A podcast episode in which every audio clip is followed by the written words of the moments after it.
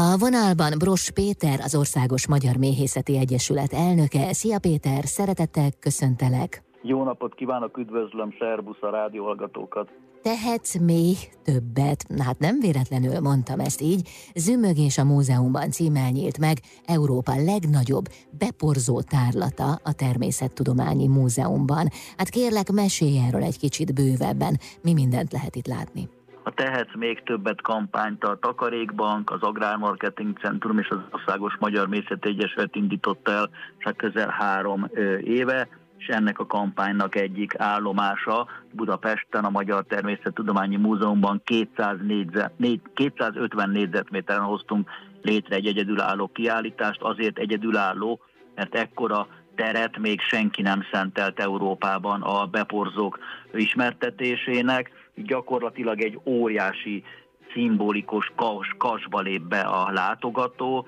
gyönyörű zárt kiállítás, végig mély sejtek vezetnek a, a folyóson, és tematikusan van felépítve az egész, azaz interaktív és multimédiás módszerekkel a látogatók megláthatják azt, és megismerhetik, hogy a zárva termők esetében mit jelent eleve az, hogy beporzás, miért kell a növényeknek egy úgynevezett pollenvektor esetünkben a beporzók ahhoz, hogy magot termést hozzanak, és így tudjanak szaporodni. Majd ismertetjük a világon legelterjedtebb beporzókat, azaz az nem csak a méhekről szól, hiszen itt csigáktól kezdve madarakon át, denevérekkel,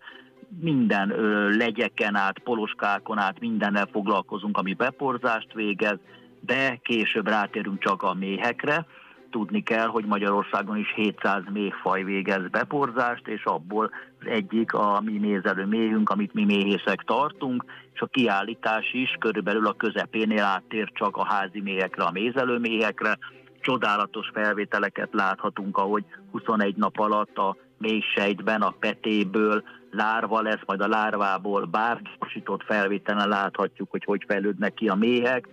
de később azt is láthatjuk, hogy a méh szemszögéből hogy néznek ki a virágok, hiszen a méh másképp látja a szemével a világot, mint mi, hiszen más színeket lát,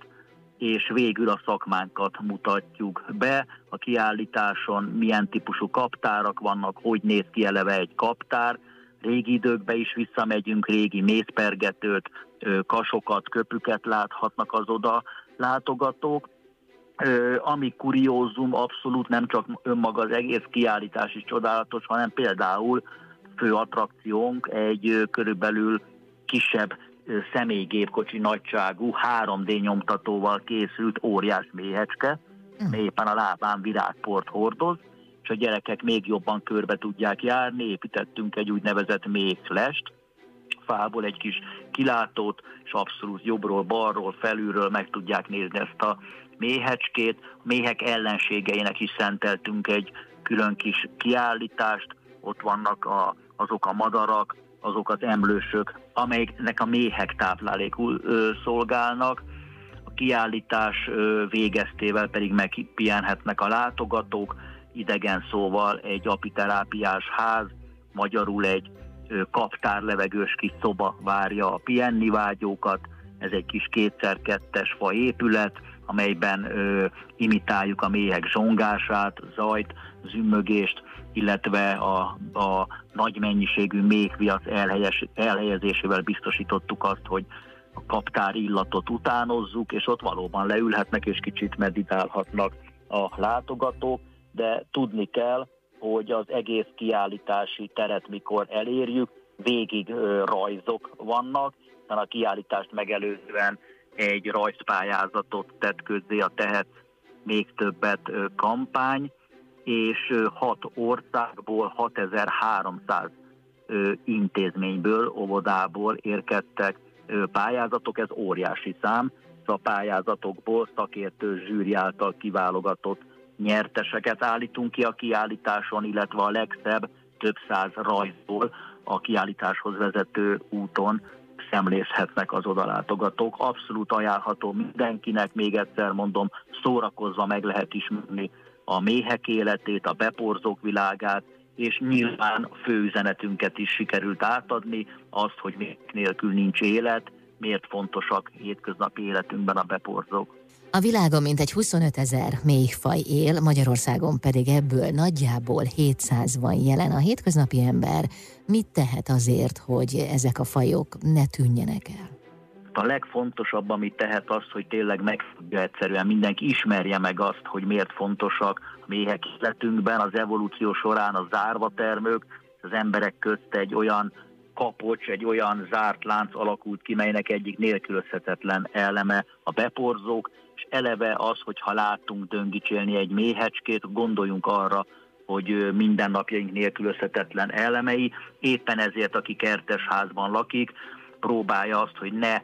zöld sivatag legyen a kertje, ne vágja le mindenhol a füvet, hagyjon néhány négyzetmétert, virágba borulni minden, az év minden időszakában, koratavasztól nyárig valamilyen növény, ha nem vágjuk folyamatosan a füvet, ki fog nyílni, és meglátjuk, hogy pillanatok alatt ott lesznek a beporzók, hiszen nekik a virág mindig ad táplálékot, vagy virágport, vagy nektárt, de ültethetünk is tudatosan olyan egynyári vagy évelő növényeket, legtöbb fűszernövény például. Nagyon jó, hiszen a virágba borulnak mélegelőként is szolgálnak, de akár leszakítva belőlük főzés közben otthon is használhatjuk.